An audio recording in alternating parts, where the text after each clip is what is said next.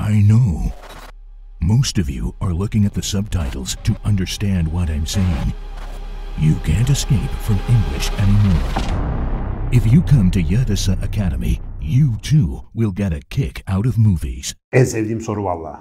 Can nedir, canlılık nedir? Niye en sevdiğim soru? Çünkü benim üniversiteyi bitirdikten sonra akademik uzmanlık olarak bir şekilde tercih etmek durumunda kaldığım alan adına fizyoloji denen bir tıbbi bilim alanı. Ne demek fizyoloji? Canlılığın mantığını anlamaya ve onu işte yeni nesillere öğretmeye çalışan uzmanlara fizyoloji uzmanı deniyor. Yani ben de onlardan bir tanesiyim. Canlı mantığı üzerine çalışıyorum yıllardır. Tabii bir de bunun özel organlara özel çalışma modlarına da farklı isimler veriyor. Mesela ben beyin üzerine çalıştığım için bana nörofizyolog yani beynin çalışma mantığını anlamaya çalışan uzman diyorlar. Şimdi böyle olunca tabii bu soruyu seviyorsunuz. Çünkü ben ne zaman fizyoloji derslerini anlatmaya başlasam ilk konum, ilk cümlem, ilk slaytım canlılık nedir başlığı altında oluyor. O slaytım hazırlaması en kolay slayt çünkü düğmeye bastığında ekrana büyük bir soru işareti geliyor. Neden? Çünkü canlının ne olduğunu henüz kimse bilmiyor. Canlının ne olduğunu henüz kimse bilmiyor demek kolay. Fakat bunun hayatımızdaki yansımalarını, e, bize bir canlı ve düşünen bir organizma olarak getirip götürdüklerini biraz analiz etmemiz çok önemli. Öncelikle bizler zannediyoruz ki canlıyız. Yani bildiğimiz kadarıyla canlıyız. Canın tanımı tam olarak yapılamasa bile öyle bir şey olduğumuzu biliyoruz. Mesela şu masanın bir zamanlar canlı, canlı olan, şimdi rahmetli olmuş bir ağacın kalıntısı olduğunu ve artık canlı olmadığını varsayıyoruz, öyle düşünüyoruz. Ve can dediğimiz şeyin aynı bizim gibi fiziksel maddeden yapılmış bedenlere sahip olan ve adına canlı dediğimiz varlıkları hayatta tutan şey olduğunu düşünüyoruz. Böyle bir şeye inanıyoruz. Peki bunu içinden deneyimleyen yani canlı olan bir varlık olarak biz neden canın ne olduğunu bir türlü tarif edemiyoruz?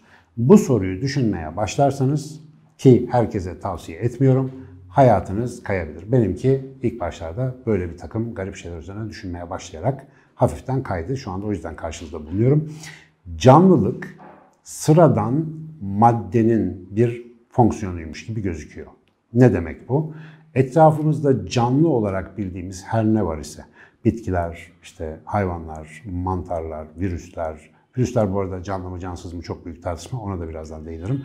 Ama işte böyle bakteriler, bağırsağımızdaki mayalar, şunlar bunlar hepsi bildiğimiz dünyadaki o periyodik cetvelde yer alan atomlardan, elementlerden oluşuyor. Uzaydan gelmiş böyle atipik hiçbir şey yok.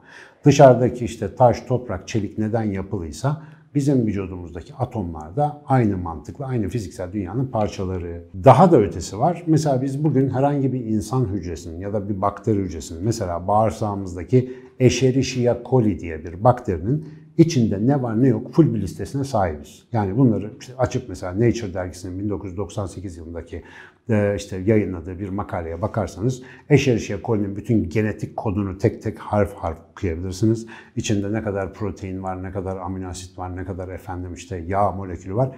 Hepsini görebilirsiniz. Ve bunların hepsini neredeyse sıfır lira maliyetle gidip herhangi bir yerden bulabilirsiniz. Mutfağınızda var. Yani evimizde var olan her türlü malzemede bulunabilen atomlardan oluşuyor. Ama ister mutfağınızda, isterse en gelişmiş laboratuvarlarda olsun bu maddeyi alıp da bir araya koyduğunuzda canlı bir Escherichia coli olmuyor. Canlı bir karaciğer hücresi ya da canlı bir beyin hücresi yapamıyorsunuz. Bunun sebebini bilmiyoruz. O maddenin bu karmaşıklıkta bir araya gelmesiyle bir şekilde ortaya çıkmış olan şeye canlılık deniyor fakat biz cansızdan canlılık çıkaramıyoruz. Canlı ancak canlıdan çıkıyor. Canlı canlı üretebiliyor. Yani cansızdan canlı yapamıyoruz. Böyle enteresan bir durumumuz var. Bu arada bu durumun vehametini tam olarak anlatabilmek için şöyle de bir gerçek hayat örneği vereyim size.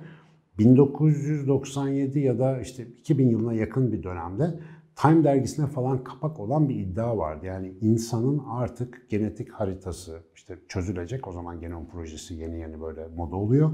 Ve çok yakın bir zamanda yapay canlılık üretilebilecek diye bize böyle gazetelerden, dergilerden vaatler veren bilim insanları vardı. Ve bunlardan bir tanesi 2000'li yıllarda oldukça meşhur olan Craig Venter'di. Celera Genomics'in kurucusu. Bu insan gen haritasını çıkarma konusunda büyük bir endüstri kurmuş. Çok zeki adamlardan bir tanesi. Ve 2010'larda zannediyorum yanılmıyorsam yapay canlı üretildiğine dair ilk haberi gördük. Ben büyük bir hevesle atladım çünkü e, haberi okumak istiyordum. Ben büyük bir iddia sahibiyim. Biz canlı yapamayacağız. Yani laboratuvarda bunu yapamayacağız diye hep söylerdim bir fizyolog olarak. Hakikaten yayını okuduğumda çok ilginç bir şey gördüm. Yapay canlı yaptık dediğimiz şey şuymuş insanlık olarak. Bir canlının genetik kodunu yapay olarak dışarıda üretip, buraya dikkat, daha önceden var olan bir hücrenin çekirdeğini çıkarıp yerine bizim kodu koyup aha da çalışıyor dememizden ibaretmiş.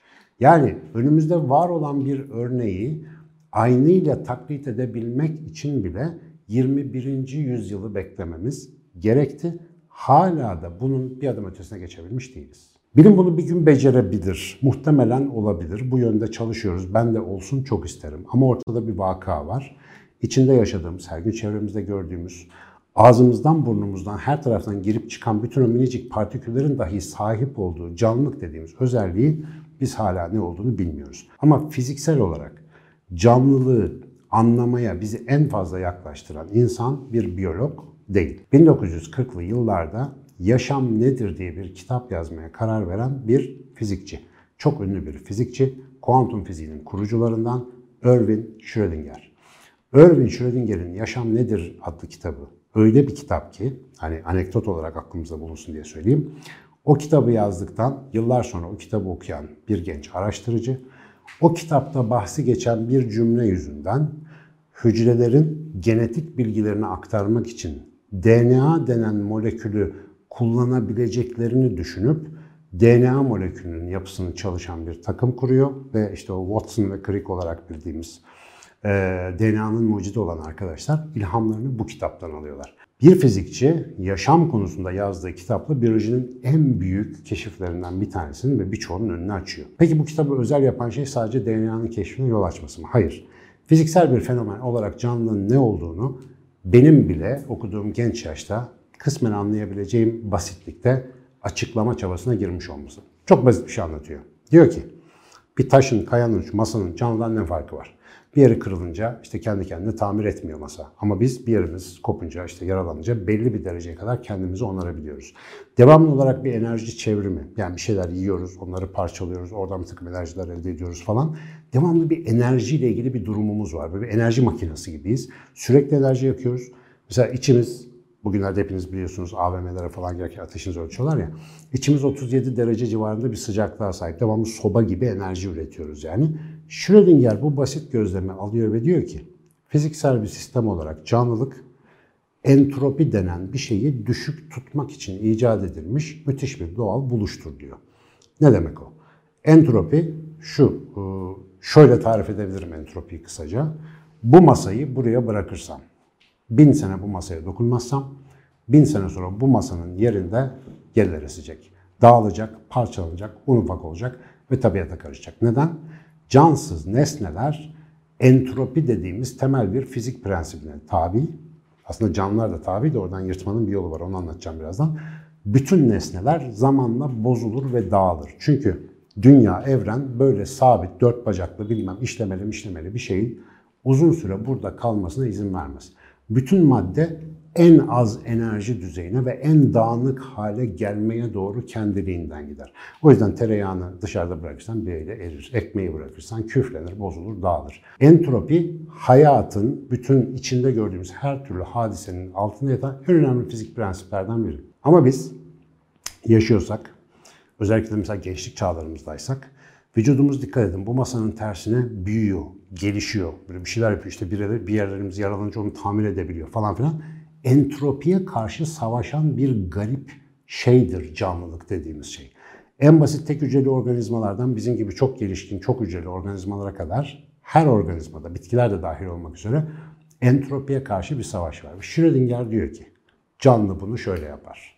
Bildiğimiz maddeleri alır beslenme yoluyla, parçalar, Oradan çıkan enerjiyi buraya çok dikkat. Biz hep hani can boğazdan gelir yiyelim ki güç kazanalım falan diyoruz ya.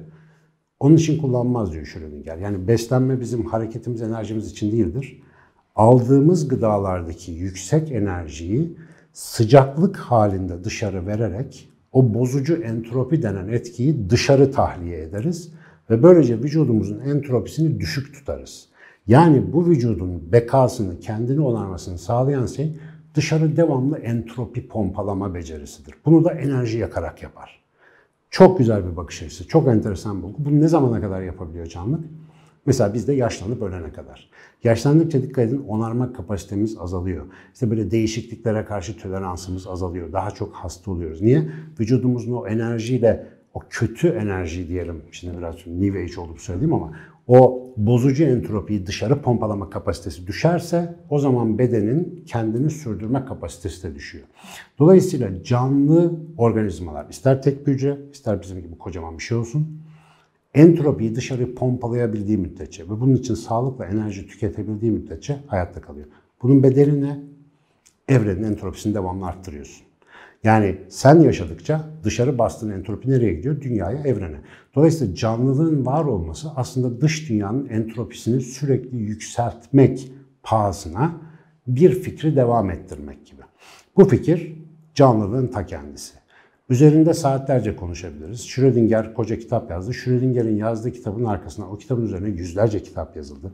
Binlerce çalışma yapıldı. Ama hala benim gibi herhangi bir fizyoloji uzmanına giderseniz canlılık nedir diye sorarsanız ilk alacağınız cevap bilmiyorum olacak. Ve canlının ne olduğunu hala da bilmediğimiz için en fazla şeyi canlılık üzerine çalışarak öğrenebiliyoruz.